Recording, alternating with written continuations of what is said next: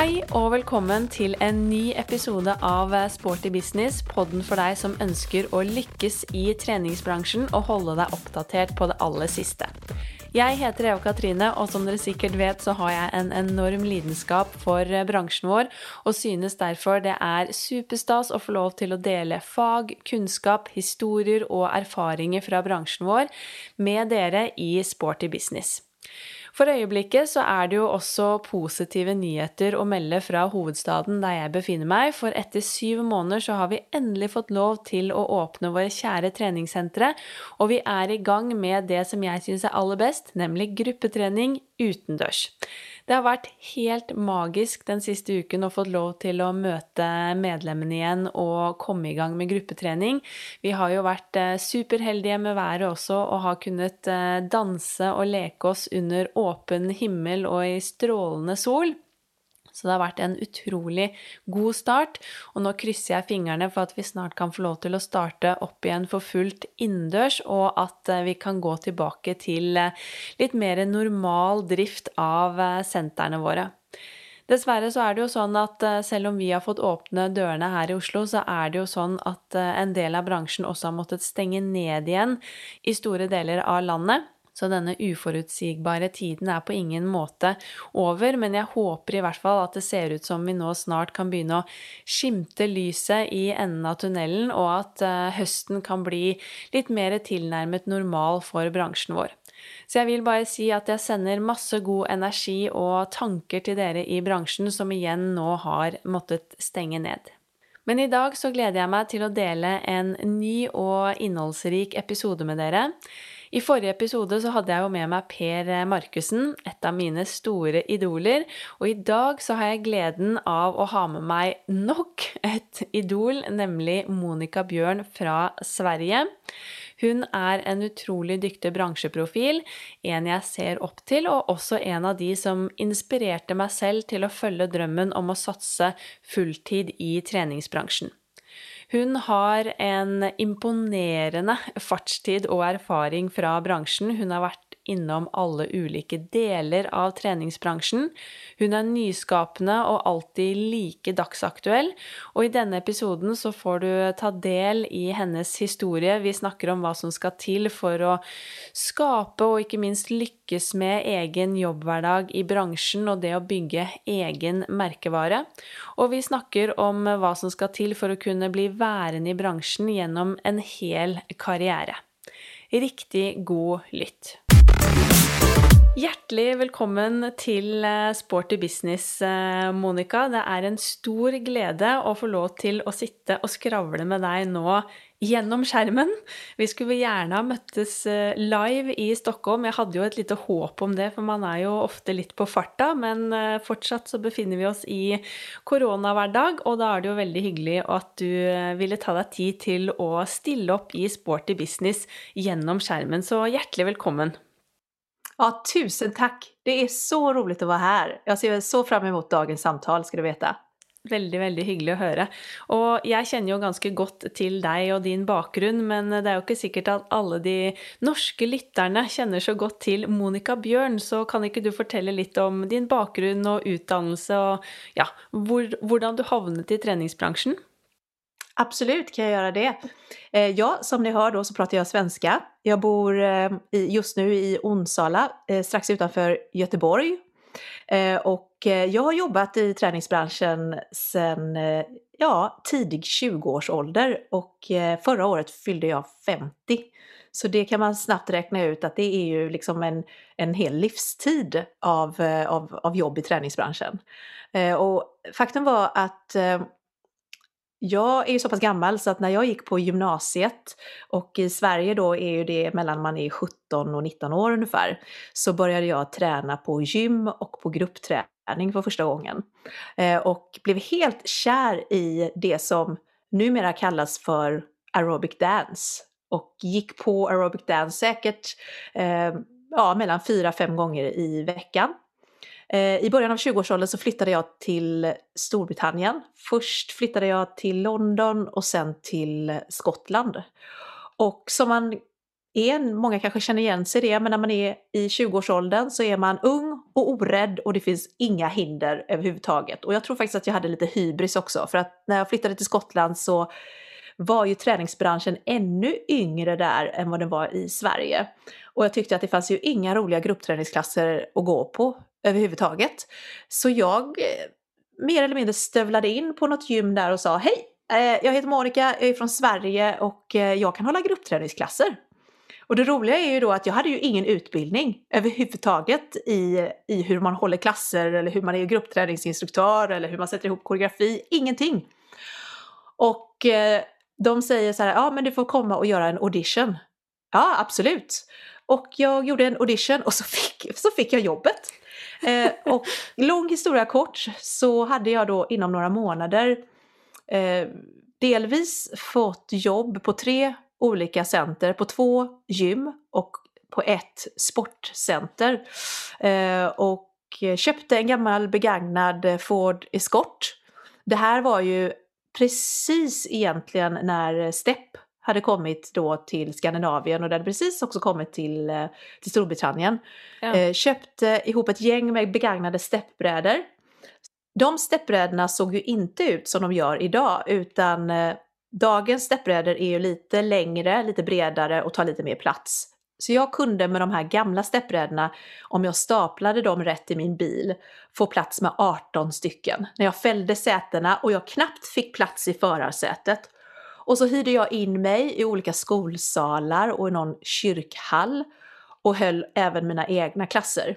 Så det slutade med att jag höll 23 klasser i veckan. Åh, oh, härligt! Under tiden jag bodde där och eh, for som en skottspole överallt till mina olika klasser och började även faktiskt ta eh, PT-kunder. Och nu pratar ju vi 1992.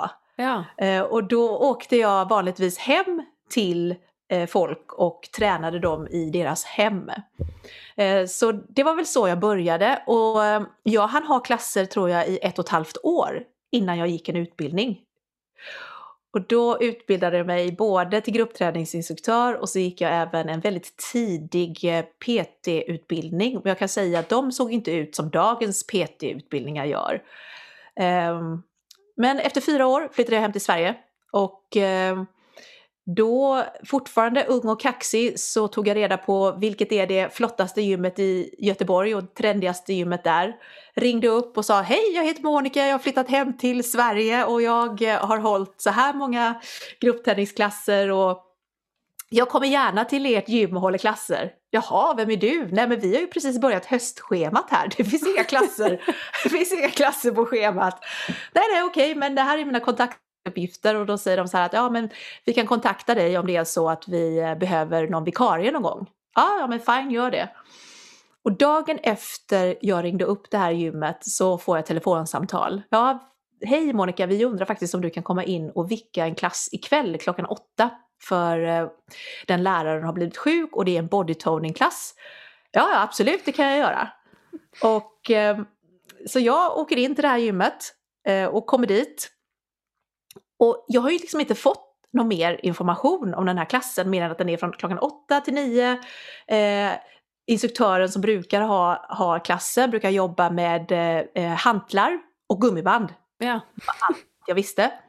Jag kommer dit och det är helt fullt med folk. Helt fullt med folk. Eh, och jag tränger mig förbi de här människorna som står och väntar i trappan och låser upp salen och när jag låser upp salen så känner jag hur alla de här blickarna bara bränner i ryggen på mig. Och hur de här, det var ju bara kvinnor, så det var 50 kvinnor, tittar på mig uppifrån och ner. Och innan jag ens har gått in i salen så har ungefär hälften gått därifrån. Så pass ja. Jag har inte satt igång musiken, jag har inte gjort någonting. Så jag bara, men good God, vad händer nu? Ja, efter att jag höll, överlevde den här klassen så fick jag reda på att instruktören som brukade ha klassen var en två, nästan två meter lång eh, afro-american man. som, som körde de här fulla klasserna med sin fanclub. Ja, icke sant. Eh, men jag överlevde Och faktum var att eh, efter den klassen så blev jag uppringd igen utav hon som var gruppträningsansvarig. Bra gjort, du överlevde. Det är inte många som gör det. De flesta börjar gråta och springer därifrån. Så att jag tror att jag kanske kan skrävla fram två klasser i veckan åt dig. Eh, och så började jag jobba på gym i Sverige. Ikke sant? Så du mötte faktiskt sånn vikarens största mareritt du på första time i Sverige? Absolut! Och jag har ju varit med om, eftersom jag har varit med så länge så har jag, jag liksom verkligen, jag har upplevt allt tror jag, i stort sett som man kan uppleva som gruppträningsinstruktör i, på ett eller annat sätt. Eh, för sen så hade jag ju då varit där och jag höll klasser och, och du vet när man har hållit i 23 klasser i veckan, då har man hållit alla typer av klasser. Mm. Så det var ju liksom bodytoning, step, det var aerobic dance, det var cardio funk fanns det någonting som hette på den tiden. ja, och man bara man lärde sig och så gjorde man. Och när jag hade varit på det här svenska gymmet i eh, mindre än ett år, jag hade varit där kanske åtta månader, då fick jag en fråga utav ägarna till gymmet.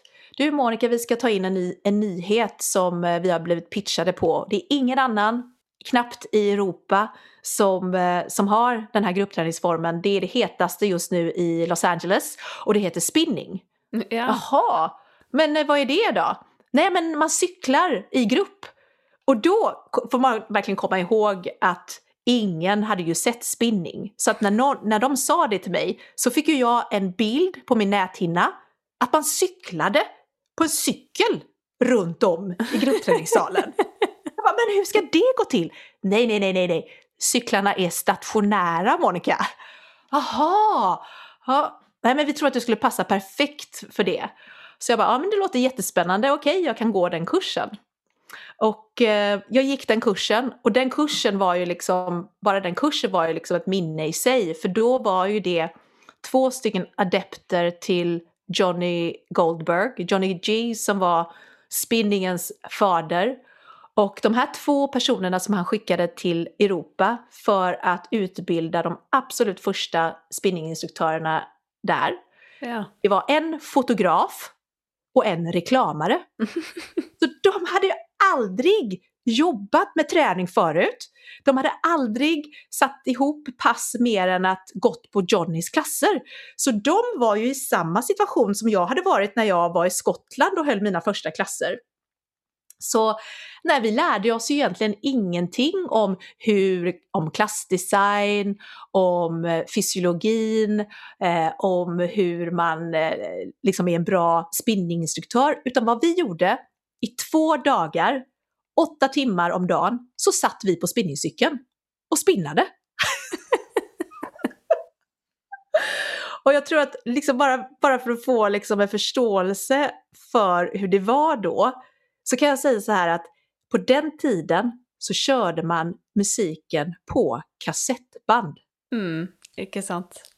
Ja, så det var ju liksom tyst mellan låtarna. Det var ju liksom inga remixar, utan det var den musiken som gällde från början till slut med paus emellan. Ja ja, så jag hann ha spinningklasser i eh, ungefär tre månader och sen så fick jag frågan om jag kunde tänka mig att söka till det internationella utbildningsteamet. Ja, det låter ju spännande, så jag sökte och blev antagen och var en utav de eh, personerna som då fick åka ner till Schweiz och spendera drygt en vecka tillsammans med Johnny. Och eh, i det internationella teamet så var jag den som pratade bäst engelska tack vare mina år i Storbritannien. Ja, ja. Och det var ju ingen då som visste, kommer det här vara en fluga? Kommer det här vara ett jobb om året? Kommer det dö ut om ett år? Eh, men vad som hände var att när jag kom hem ifrån den veckan i Schweiz så ringde telefonen nästa dag och då fick jag frågan ifrån teamleadern eh, i, som, som jobbade utifrån Schweiz.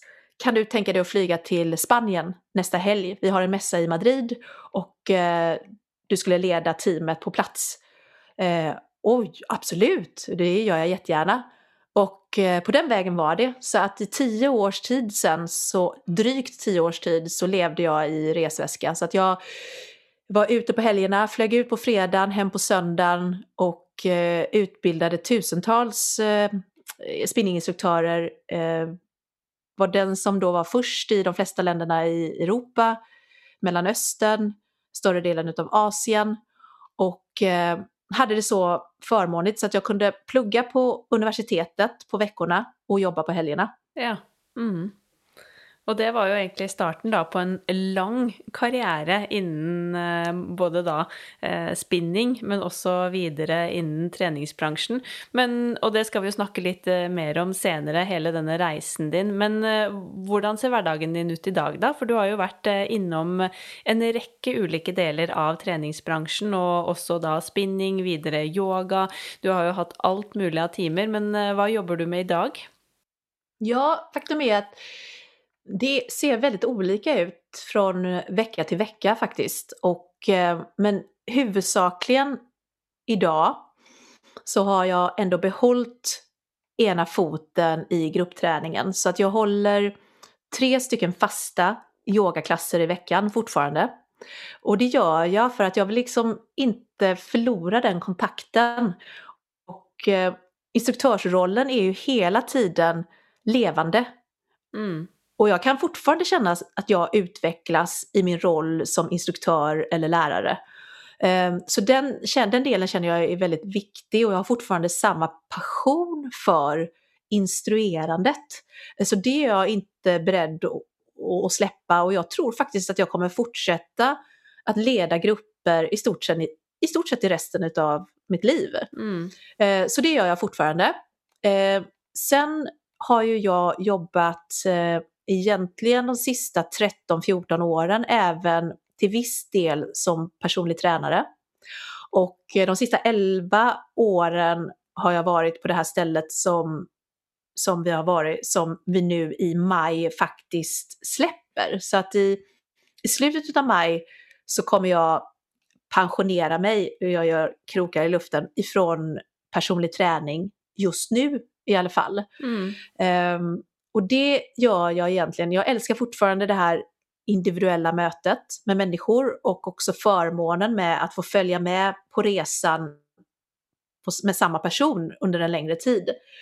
Eh, men jag har kommit till en punkt nu där jag behöver få loss mer tid. Och eh, om det är någonting som man behöver tänka på som egenföretagare, det är ju verkligen det här med att det är en sak att ha många järn i elden som vi säger på, på svenska. Att man gör många olika projekt och många olika sidospår. Eh, men man må, måste också väga det emot hur, hur väl kan du göra nya projekt om du fortfarande håller kvar i gamla projekt. Mm. Så det, man kommer komma till vissa punkter i sin karriär med jämna mellanrum där man måste besluta sig för hur mycket vill jag fortsätta det gamla och hur mycket vill jag börja det nya.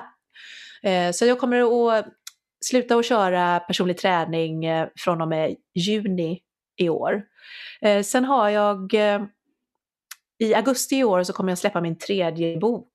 Mm. Så den har ju tagit väldigt, väldigt, väldigt mycket tid nu det sista året egentligen. Och min andra bok, Stark genom klimakteriet, den fick ju ett ganska så stort genombrott för att man har ju inte pratat om klimakteriet eller menopausen kanske på det sättet som jag har gjort. Nej, eh, och, och för att si norska lyttere då, så ja. är det, handlar det om övergångsåldern. Just det, och det säger yes. vi faktiskt på svenska också, ja. övergångsåldern. Mm. Precis. Eh, och när den boken kom ut 2018 så var ju den ganska ny i sitt slag och jag började, gans, jag började ju prata väldigt öppet, delvis om min egen övergångsålder och min resa genom att ta mig igenom symptomen och som tränande kvinna eh, känna, kände jag ju väldigt mycket eh, frustration när jag fattade att alla de här både fysiska och mentala symptomen som jag hade haft i över ett års tid faktiskt var hormonrelaterade. Eh, och eh, i arbetet med Stark genom klimakteriet-boken så var jag ganska tuff och hård mot läkare och gynekologer för kunskapsnivån i Sverige. Och jag misstänker även i Norge, för att jag har ju även haft ganska många norska personliga tränare och coacher nu som har gått utbildningen, eh, förstår jag att den är ganska låg även i Norge. Mm. Eh, och eh, det var ju en sak att vara frustrerad med sjukvården, men när jag sen började granska träningsbranschen, då förstod jag ju, herregud, det är ju lika stort kunskapsglapp även i träningsbranschen. Bland yogalärare, personliga tränare, fysioterapeuter och så vidare. Så då bestämde jag mig för att okej, okay, vad kan jag göra? Vad kan jag bidra med? Och eh, i januari förra året, januari 2020, så körde jag igång Stark genom klimakteriet certifieringar. Mm. Där jag utbildar dem i träningsbranschen, friskvårdsbranschen och alla andra som är intresserade i en hel dag om övergångsåldern och vad man kan tänka på när man möter de här kvinnorna. Framför allt kanske då som personlig tränare, fysioterapeut, yogalärare och så vidare. Eh, så det givetvis tar ju också en, en stor del nu utav min tid just Mm. nu. Att jag jobbar med utbildningar. Nu är det ju då online. Eh, förhoppningsvis kommer vi kunna gå tillbaks till även live. Jag skulle faktiskt ha varit i Oslo i maj Ja. 2020. Eh, men de som var anmälda där har ju sen gått, tagit del av utbildningen online. Så att jag har faktiskt eh, haft en hel del eh, eh, norska deltagare redan som har, har gått den heldagen. ja, ja. Ehm, så det, det tar ju en hel del tid liksom i, i, ehm, i både administrativ tid och även då så driver jag starkt genom klimakteriet-kontot på Instagram. Och det vet ju alla som lyssnar eh, som, som har ett eller flera Instagramkonton att ska man göra det bra så tar det också ganska så mycket, mycket tid. Och jag lägger ganska mycket tid just på det här med att, att sprida kunskap. Mm. Och då gäller det ju delvis då att man hela tiden håller sig eh, ajour med den senaste forskningen, så jag läser mycket forskningsartiklar. Eh, jag tar del av mycket intressanta eh, andra konton och försöker liksom följa vad, vad, vad är det man pratar om och vad är det man undrar över. Och jag driver även en ganska så stor nu grupp på, på Facebook med samma namn, Stark inom klimakteriet.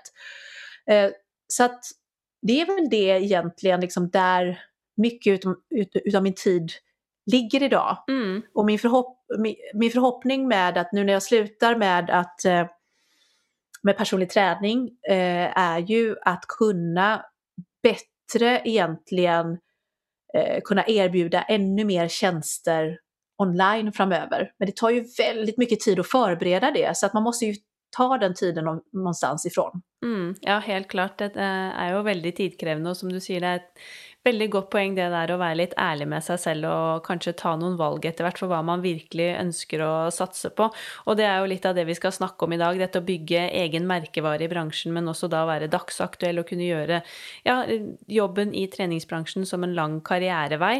Men så må jeg bare, før vi liksom dypdykker inn i det, så må jeg spørre deg også, for jeg pleier å spørre de fleste som er innom sporty business, hva er det du tenker på som är det bästa med träningsbranschen. Och det måste jag fråga dig om också. Du har ju varit med från tidernas morgon och varit inom en räcka olika ting i branschen. Och fortsatt, som du säger, så är du på golvet. du har gruppetimer, du har yogatimer, Och även om du nu jobbar med andra ting, så är ju de fortsatt också rettet in mot träningsbranschen och du önskar att bidra till ytterligare kvalitetslöft i branschen. Vad är det som gör denna branschen så unik? Jag tror verkligen för mig så är det mötet med människorna, det är nummer ett. Eh, det blir, alltså mötet med människorna, det är alltid intressant. Det blir aldrig tråkigt. Eh, och det är också mycket av mötet med människor som är utmaningen, det är det utbildande, eh, det är, eh, man får fantastiskt mycket tillbaka. Ehm, så det skulle jag säga är nummer ett. Mm. Eh, Nummer två är faktiskt det här att våran bransch är så ung fortfarande i jämförelse med många andra branscher. Och det gör att det finns ett driv och eh, ett entreprenörstänk där. Att det- finns inga hinder. Man ser bara möjligheter. Och är är man trött en dag så kan man tycka att det är lite jobbigt. Men absolut mesta delen av tiden så kan jag verkligen tycka att det Åh, det är helt underbart. Det ger så mycket energi och det ger eh, eh, den, den passionen som man möter hos många människor är helt, helt fantastisk och det, jag älskar det. Mm. Ja, virkelig 100 eh, enig.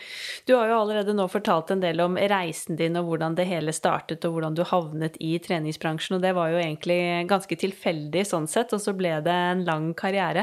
Men har du etter hvert som du da kom hjem til Sverige og begynte å jobbe som instruktør og videre, har du liksom da hatt en klar plan om hva du ønsket å jobbe med og hvilken retning du ville gå, eller hvordan har den reisen blitt til? Faktum är att jag har inte haft, det är så konstigt för att det är många som, som, som tror att jag har haft en väldigt eh, tydlig plan. Och det har jag verkligen inte haft. Utan eh, jag brukar säga det att många utav spåren som sen har blivit en del utav min karriär har jag verkligen halkat in på ett bananskal på. Som vi säger på, på svenska. Eh, men samtidigt ska man ju då komma ihåg att det är ju så här att om du jobbar, om du gör ditt bästa eh, och du jobbar konsekvent och jag tror också om du behandlar människor du möter på det sättet du själv vill behandla, bli behandlad, då kommer också möjligheter att öppna upp sig. För när du väl då hittar ett annat intressant spår som du kanske vill undersöka eh, och det kanske är nytt för dig, då kommer det alltid att finnas i ditt nätverk människor som kan hjälpa dig vidare åt det nya hållet du vill gå. Så självklart hänger allting ihop, men från min sida har det aldrig varit så här att jag har tänkt så här, jaha, nu har jag hållit på med spinningen väldigt länge, vad ska mitt nästa steg bli? Det har, jag har inte tänkt strategiskt på det viset. Om vi tänker yogan till exempel. Eh, jag började gå gå på yoga själv 1998. Anledningen till att jag gjorde det var för att min kropp var så stel och så trött efter tre års resande med spinningen och många timmar på spinningcykeln. Och då var det rent utav personliga skäl som jag ville börja med yoga. Jag hade hört att det var bra.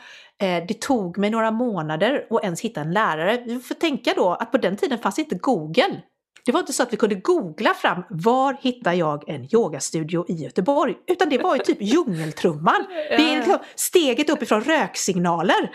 Så fick man ju fråga runt så här. Har du hört någonstans? Och så fick man vänta tills någon sa så här. Nej men jag har hört om den här läraren. Så jag tror att det tog mig sex till åtta månader att hitta ett ställe att gå till.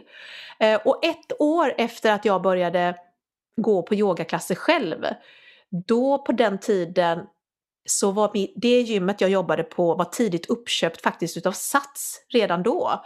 Och eh, ja, men skulle inte du vilja utbilda dig till yogalärare? Och där var det verkligen så här bananskalseffekten. Ja. och, och sen så var ju yogan en del utav, utav mitt liv och om man ska säga min repertoar. Eh, och jag var väldigt tidig med det. Men det var ändå slumpmässigt sett. Det var inte så att jag hade planerat, åh nu ska yoga bli mitt nästa steg. Ehm, så det är väldigt intressant liksom hur ändå pusselbitarna har, har fallit på plats. Och jag tror att det här är så som det har hänt mig. Någon annan kanske det passar väldigt mycket bättre att vara planerande.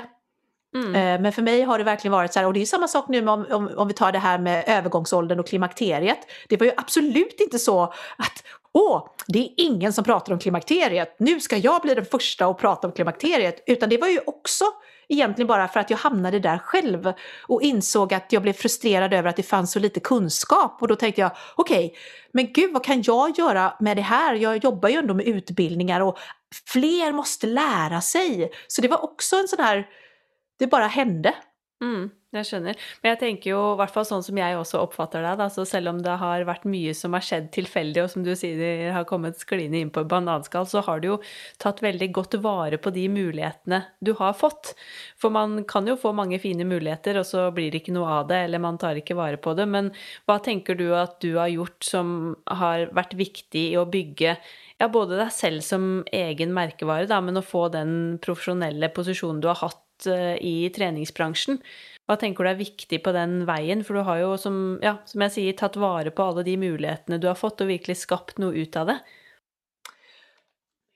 Bra fråga. Jag, jag tror att det är två saker. Att när jag väl har landat i att det här spåret vill jag testa och köra in på.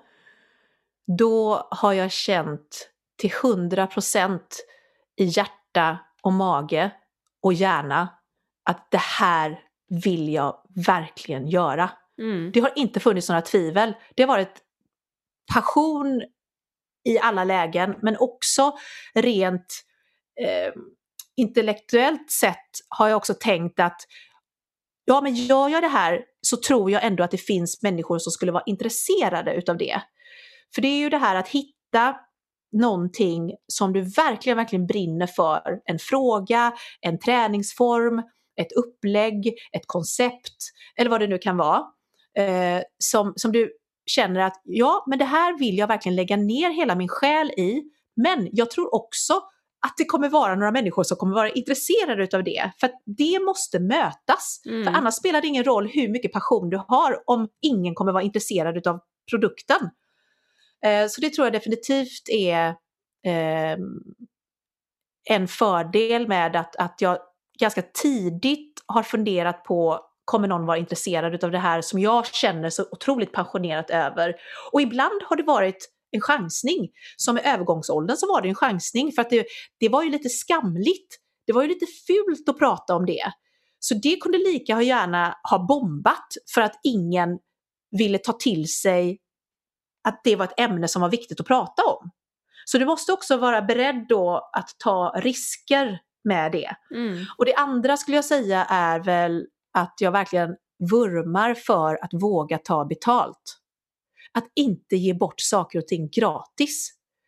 Och det är verkligen någonting som eh, jag hoppas att jag, jag kan inspirera till. Eh, att våga ta betalt, att inte sälja sig för att man är, säl, sälja sina tjänster för att man är billigast. Utan att verkligen utgå ifrån att du säljer någonting som är värt att betala för. Virkelig. Jag är så glad för att du säger det, för det är ju ja, en av de tingene jag verkligen önskar att i hvert fall treningsbransjen, spesielt i Norge, da, men jag vet ju också att det, det trengs i Sverige, att man kan sätta mer fokus på det och bli mer profesjonelle också när det gäller detta med lön, för det är ju dessverre veldig mange forventninger om at man skal gjøre veldig mye gratis, eller gjøre det veldig billig, og man baserer det på mennesker med veldig mye lidenskap og engasjement, og så er man for snill, og så sier man ja, og så går jo det utover alle de andre. Men det å tørre, som du sier, å ta betalt, og ikke minst bare gi fra oss all den kunnskapen vi sitter på, og de tjenestene vi leverer, og nå i fjor, når alt stengte ned pga. koronaen, så husker jeg jeg leste i en eh, artikel artikkel fra en kjent treningsprofil här i Norge som sa att det är ju inte så att för att landet eh, stänger ner så ger juristerna och advokaterna bort sina tjänster gratis. Så varför ska vi som personliga tränare och instruktörer bara ge bort nå timmar och träning och vägledning gratis online, till exempel? Och det är ju ett otroligt gott poäng på vår, vilket skille det är och också vad slags förväntning man har till branschen. Absolut är det så.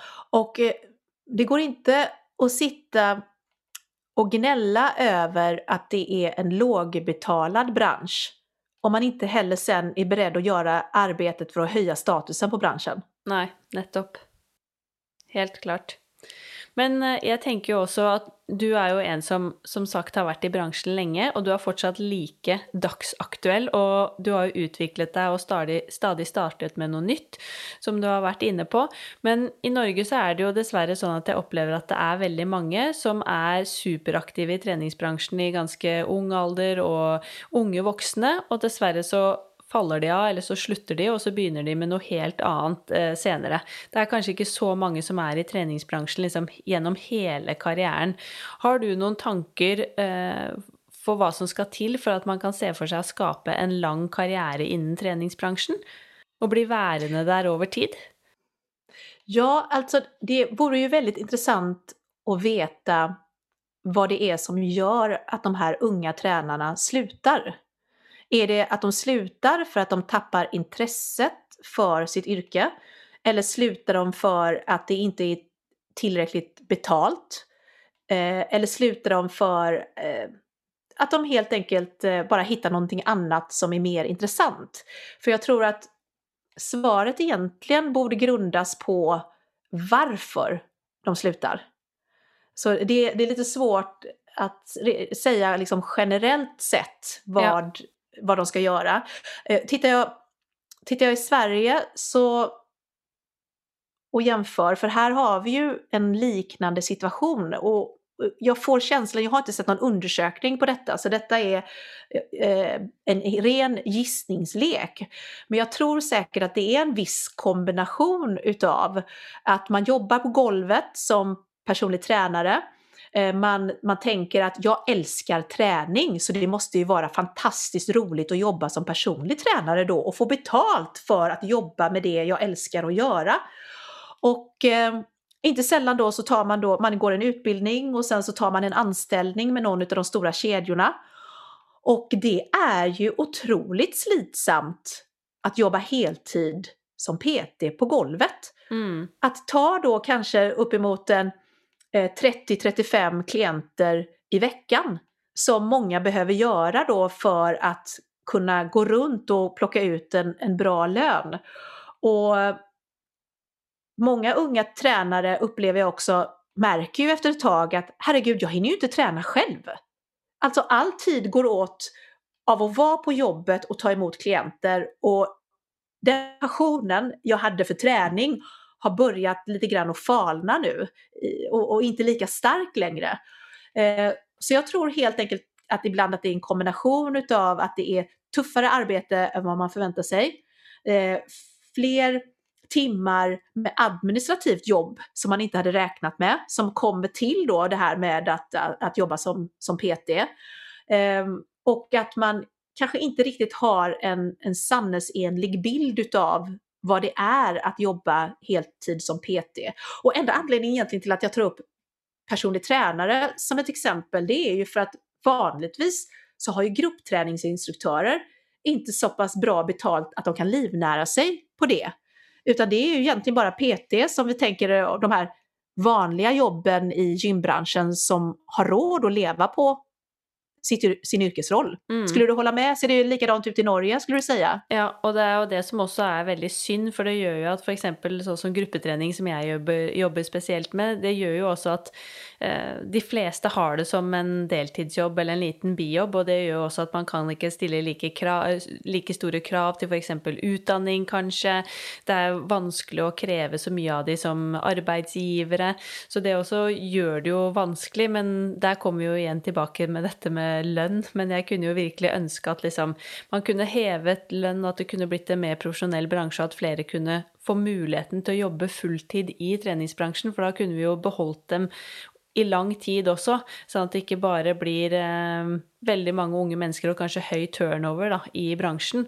Og så tenker jeg at man må også være ja, man må være litt kreativ og ta tak selv også, for det er jo mye man kan jobbe med. Eh, litt som du er et eksempel på innen bransjen. Man blir ikke kanskje gruppeinstruktør i alle år, men man kan jo da videreutdanne seg som PT. Man kan være instruktør og PT. Man kan kanskje jobbe på et senter i tillegg. Man kan kanskje da starte opp med trening for andre typer grupper i samfunnet. Altså det er jo mye man kan gjøre och fortsatt vara en del av branschen men gå i olika riktningar.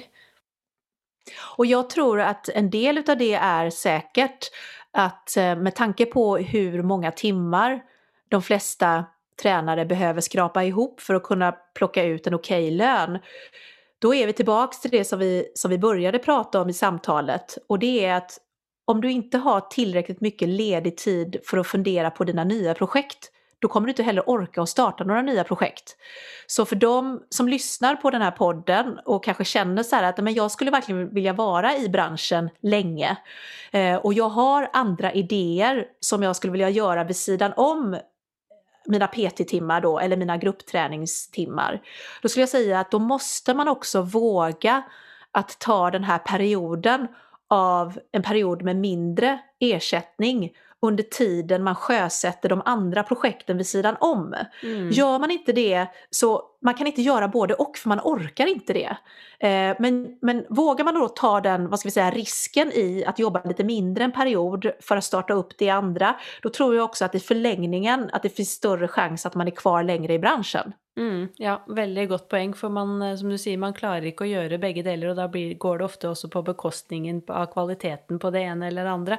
Men har du, baserat på din egen erfarenhet som då gründer och har jobbat inom olika ting, har du några goda tips och råd för de som lyssnar på och som tänker att de har lust att starta eget inom branschen, enten som ja, personlig tränare, gruppinstruktör, leverera träning kanske online eller live, eller kanske sitter på andra idéer? Ja, det är först och främst skulle jag säga landa i vilken idé det är du vill följa. För väldigt ofta kan det vara så att ja, några kanske lyssnar och har en idé som de känner så här, ja det här är min idé, ja men då är det den du kör på. Andra kanske känner så här, ja men jag skulle kunna göra det här eller det här och man har liksom lite flera stycken olika sidospår som man går och tänker på. Så nummer ett då för de som, som går och tänker på lite olika saker det är att landa i, okej okay, vilken utav de här brinner du mest för? Och vilken utav de här skulle du då välja? Igen då för att tratta ner och inte göra många saker halvbra mm. utan hellre göra en sak eh, eh, riktigt, riktigt bra. Eh, och sen skulle jag då säga våga ta eh, tillräckligt med ledig tid för att starta igång det här projektet oavsett om det är online-träning eller om det är eh, starta utbildning. Och ibland kan det ju vara så här att Vissa kanske tänker så här att men jag, är inte, jag är inte där än. Jag är inte där att jag vill starta eh, min egen utbildning eller eh, min egen online-träningsplattform. Då kanske det är så att första steget kanske då är att bli en utbildare hos en redan etablerad organisation. Mm. Så att du också får kanske vägledning i utbildarrollen och ändå får provat dina vingar då som kommunikatör och som pedagog och allt det andra. Och då skulle jag säga verkligen eh, utnyttja ditt nätverk, fråga runt, presentera dig, eh, se till att, att du verkligen vet vad du kan bidra med. Vad är din specialistkompetens och varför skulle någon vilja lyssna på dig och din erfarenhet? Så det, och där lönar det sig verkligen att, att vara lite 20-åring då om vi säger så, lite kaxig. Och, och verkligen se sitt värde och vad, vad man kan tillföra. Mm. Eh, och, och idag... vara orädd. Ja, och vara orädd. Och idag så finns det ju, om vi jämför med när jag började till hur det ser ut idag, så är det ju både lättare och svårare. Det som är lättare, det är ju sociala medier. Du har en direktkanal ut till konsument som vi inte hade när vi började överhuvudtaget. Herregud, vi hade ju inte ens mobil, jag hade inte ens mobiltelefon när jag började instruera. Liksom. Eh, så, så det gör det ju lättare. Samtidigt så är det ju svårare för du ska samtidigt kunna sticka ut och få eh, nå ut till rätt människor som följer dig av rätt orsaker. Inte för att du är snygg i tights utan för att du faktiskt har en kunskapsbank som någon vill ta del utav. Mm. Eh, så, så och, och det är också lättare på det viset idag än vad det var när, när vi började. Genom att idag finns det, det finns andra typer av pengar i branschen. Ja, men tittar vi liksom på, på kedjorna idag så finns det väldigt mycket, det är ju riskkapitalister som äger alla de stora kedjorna. Eh, och det finns både fördelar och nackdelar med det rent pengamässigt sett. Eh, det finns stora influencerkonton som drar in flera hundratusentals kronor i månaden på att sälja just tights och proteinpulver. Jag menar, that was unheard of när jag började. så, så det gäller ju då att kunna nyttja de här, vad ska vi säga, eh, tillfällena som finns idag som inte fanns tidigare på rätt sätt. Mm. Eh, men i slutändan så finns det inga genvägar. I slutändan måste du liksom ha en jäkligt stark produkt som står ut ifrån mängden oavsett om det är du själv som person eller om det är tjänster som du säljer. Ja. Mm. Och vara villig till att göra det 100% som du säger och så heller eh, ja, snevre det ner och lägga bort andra ting. Och så är det ju så med gründertilværelsen, så må man ju vara villig till att jobba 24-7 och det kräver ju enormt mycket arbetsinsats. Exakt. I slutändan så finns det ingen genväg, det är blod, svett och tårar. Eh, och, och, och, och gediget konsekvent arbete över tid. Och jag tror att det är väl lite grann, tror jag, en, en nackdel då med eh, det mediala landskapet så som det ser ut idag. För att det är väldigt lätt att se de här stora influencerkontona och tänka att åh, det gick så snabbt. Åh, det verkar inte som att han eller hon gör egentligen så mycket jobb utan bara att pengarna bara strömmar in. Men det är ju inte fallet. De jobbar ju i stort sett hela tiden och jämt. Mm. De jobbar sju dagar i veckan, de hela tiden måste skapa nytt content, fundera på liksom, vad kan jag göra nu som jag inte har gjort förut. Eh, och hela tiden den här oron över att tappa följare eller tappa sponsorer och, och liksom hela tiden vara i framkant i det de gör. Så även det är ju blod, svett och tårar, även om det på ytan kan se väldigt glamoröst ut. Mm. Absolutt. Og som du sier, da, så er det jo en ung bransje, og det er masse entreprenørskap og mye vilje og mye ideer, og det har vi jo i hvert fall sett nå det siste året etter at uh, eh, koronaen kom. Altså det har jo bare eksplodert, sånn som her i Norge har jo dette med online trening spesielt fått fotfeste. Det har jo ikke vært så veldig stort i, i Norge tidligere. Der har jo dere i Sverige ligget eh, uh, langt foran oss. Men det kommer jo nå stadig nye konsepter, og veldig mange har jo gått over til online ja, trening, coaching, coaching også undervisning. Så det skjer jo masse spennende i treningsbransjen nå. Hvordan ser du på treningsbransjen fremover i tid? Hva tror du kommer til å endre seg, eller hvilken retning tror du vi kommer til å bevege oss? Jag tror definitivt att online-träning är här för att stanna. Något, något annat skulle vara att säga, som vissa kanske sa någon gång på 90-talet eller två, början av 2000-talet, internet är en fluga. Online-träning är inte, är inte en fluga, den är definitivt här för att stanna. Eh, men vad jag tror vi kommer se, eh, det pratas mycket i branschen om eh, den snabba tekniska utvecklingen. Alltså om vi pratar wearables till exempel, vilket är allt ifrån ringar till klockor till appar appar till interaktion mellan eh, armband, klocka och löpeband på gymmet eller appen som din PT eh, har tagit fram.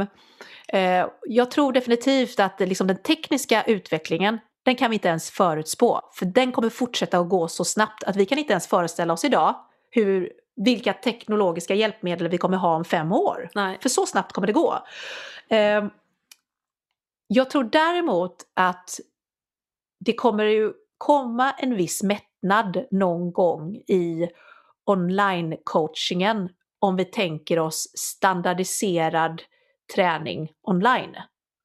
Eh, jag tror att det kommer vara så här att mer specialiserad träning online, där kommer det finnas utrymme att växa. Mm. Och då menar jag till exempel eh, specialiserad träning för eh, efter, under graviditet, efter graviditet, under övergångsåldern, eh, för eh, viktminskning för de som aldrig har tränat förut, eh, löpcoaching för eh, den som aldrig har sprungit fem kilometer. Är du med? Så att ja, jag tror ja. att vi kommer se mycket, mycket mer eh, hårdare nischat. Vad är din online-tjänst bäst mm. på? Och vilken är din kundgrupp?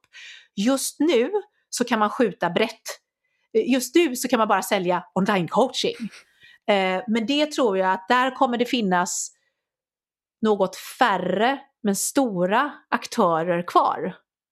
Eh, självklart är man, är man en person och ska överleva på sin online-coaching då kommer man inte behöva så många kunder för att överleva. Men sen kommer det liksom att tajtas till lite grann tror jag. Mm. Och sen så kommer, kommer vi fortfarande kunna se utvecklingspotential för de som vågar då verkligen nischa sig mycket, mycket hårdare. Ja. Um, det er jo egentlig det litt, blir... det er jo litt spennende, for det er jo nesten Eller det du skisserer der, er jo egentlig det vi har sett har skjedd når det gjelder treningssentre.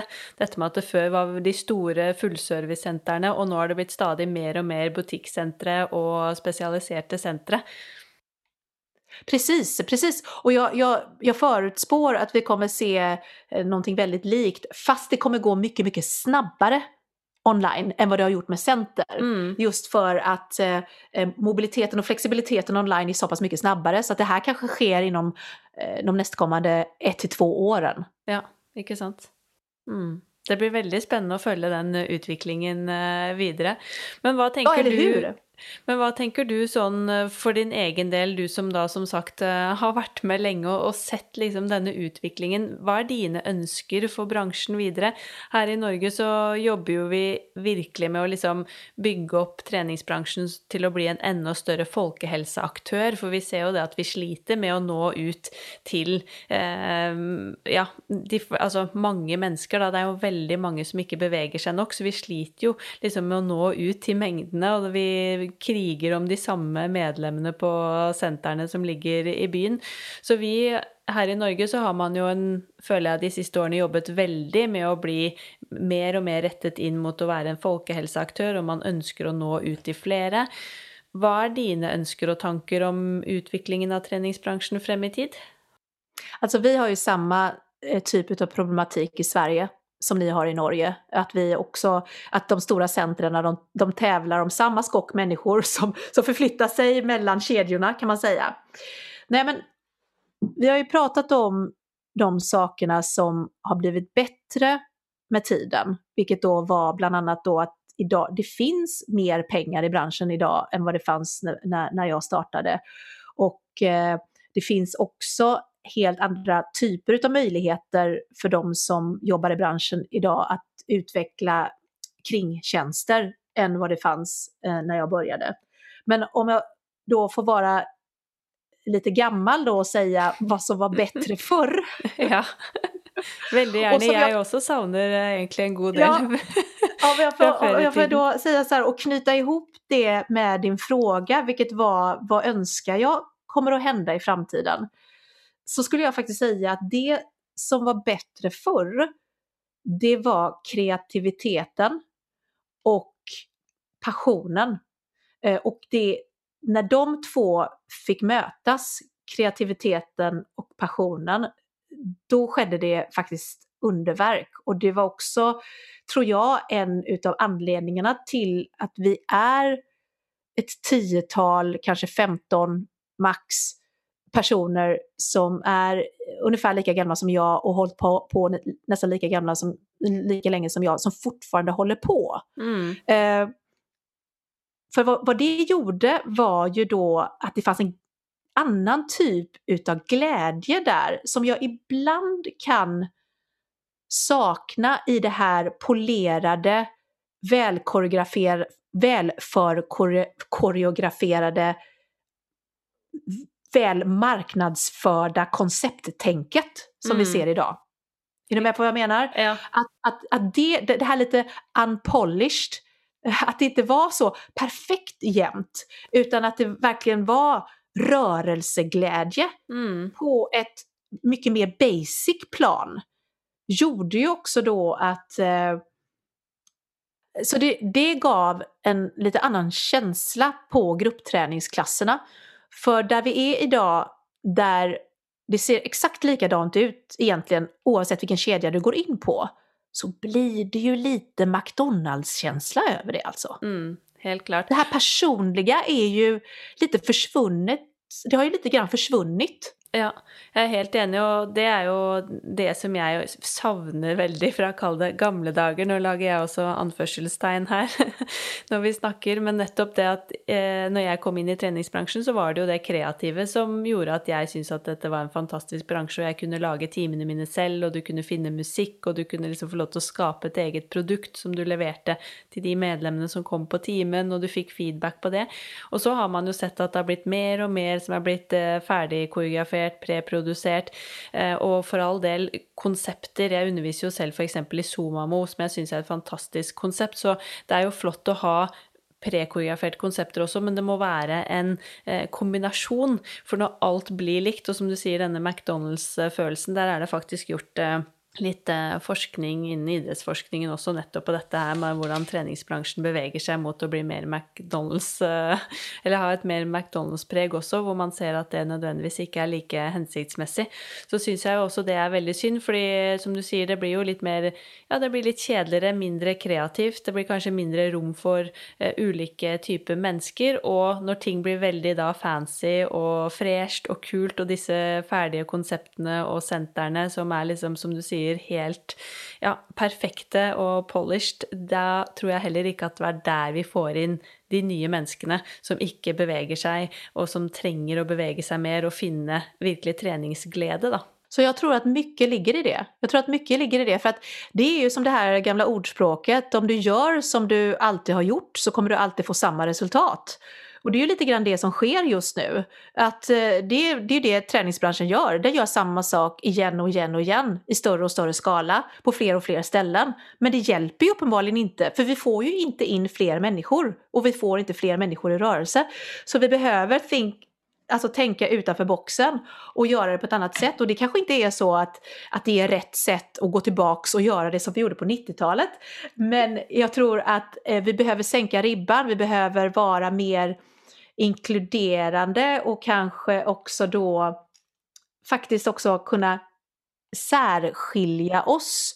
Eh, att, att, att centren behöver kunna särskilja sig själva ifrån mängden. Så vad är unikt med, med ditt center och, och, och, och din produkt och vad har du för klasser som ingen annan har? Det ser vi ju inte idag på samma sätt. Nei, helt klart. Og det savner jeg veldig, så jeg også håper at det blir mer rom for det. Og jeg tror kanskje bransjen også, og i hvert fall en del store kjeder, kan miste mange kreative, engasjerte mennesker. For de blir på en måte bare låst i et system og i konsepter og rammer for at sånn skal det være. Men så blir, får man ikke noe mulighet for egen utfoldelse og det å kunne utvikle seg og være kreativ. Så jeg håper jo for all del det er mye bra med store kjeder også, men jeg håper at vi også alle disse småsentrene kan bestå och att eh, vi kan få tillbaka lite mer av den eh, kreativiteten efterhvert. Ja, det hoppas jag verkligen. Mm. Den som lever får se, jag hoppas och hoppas. Vi får se nu då om det ska bli roligt att se om, om fem år vi kan spola tillbaka bandet och, och, och se vad som har slått in eller inte. Eh, inte sant? Helt klart. Och så gläder vi oss väldigt till eh, den lite mer normala vardagen är tillbaka och man kan, i alla fall här i Oslo, möta människorna på gruppeträning igen. Det savnar jag nog helt enormt. Ja, det förstår jag. Mm, så vi får bara kryssa fingrarna fremover i tid att det, det öppnar upp. Men det har varit fantastiskt att ha dig med genom skärmen, Monica. Jag måste också avsluta med att fråga dig, har du någon tips till en duktig branschprofil som jag kunde ha intervjuat, som du själv för exempel kunde tänka dig att höra i Sporty Business? Jag vet ju inte om du har haft kanske Cecilia Gustafsson som gäst än. Men då skulle jag säga Cecilia Gustafsson som är en av två personer skapare till Soma Move, bland mm. annat. Också någon eh, som har hållit på sedan urminnes tider och eh, Cecilia och jag lärde känna varandra då på 90-talet när eh, det gymmet som jag jobbade på som tog in spinning samarbetade med det gymmet som hon jobbade på i Stockholm på den tiden eh, och som då var den, det trendigaste gymmet i Stockholm, Workouten hette det. Eh, och eh, så vi har känt varandra verkligen sedan mitten av 90-talet och det är ju någon som också har lyckats att eh, återföda sig själv på nytt igen och igen och också alltid ständigt aktuell. Mm, ja, verkligen. Ja, Cecilia är ju otroligt duktig så absolut, hon må jag också få med i podden. Och det är som du säger, hon och jag blir stadigt överraskad vad hon skapar och vad hon levererar. Jag har sett nu bland annat på Yoga och Bi också med meditation och yin-yoga i skogen och jag bara syns det är helt eh, rått. Så otroligt kreativ. Fantastisk. Tusen eh, hjertelig, hjertelig takk for at du tok deg tid, Monica, og for en utrolig spennende prat. Eh, vi tror jeg også må spille inn eh, flere podkaster etter hvert. Vi kunne ha skravlet om mye forskjellig, men det har vært en stor glede å ha deg med, så tusen hjertelig, hjertelig takk. Alltså det har varit en sån ära. Jag är jätteglad att jag fick vara med. Så tusen tack till dig. Håper denne episoden ga pågangsmot og inspirasjon til å satse fullt og skape en lang og innholdsrik karriere i verdens beste bransje. Det er så mange muligheter for oss som jobber med fysisk aktivitet og trening, så grip de mulighetene du får. Vær åpen og gå all in. Har du spørsmål eller innspill til meg i Sporty Business, så send gjerne en mail til info at inspartum.no, eller send en melding på Instagram til kontoen Sporty Business eh, Podcast. Jeg blir jo også superglad om du vil abonnere på podden og legge igjen en rating eller kommentar. Vi poddes igjen om nøyaktig to uker. Jeg eh, gleder meg allerede. Ha en strålende og sporty uke videre. Denne podkasten produseres av Inspartum Akademi og North Stories.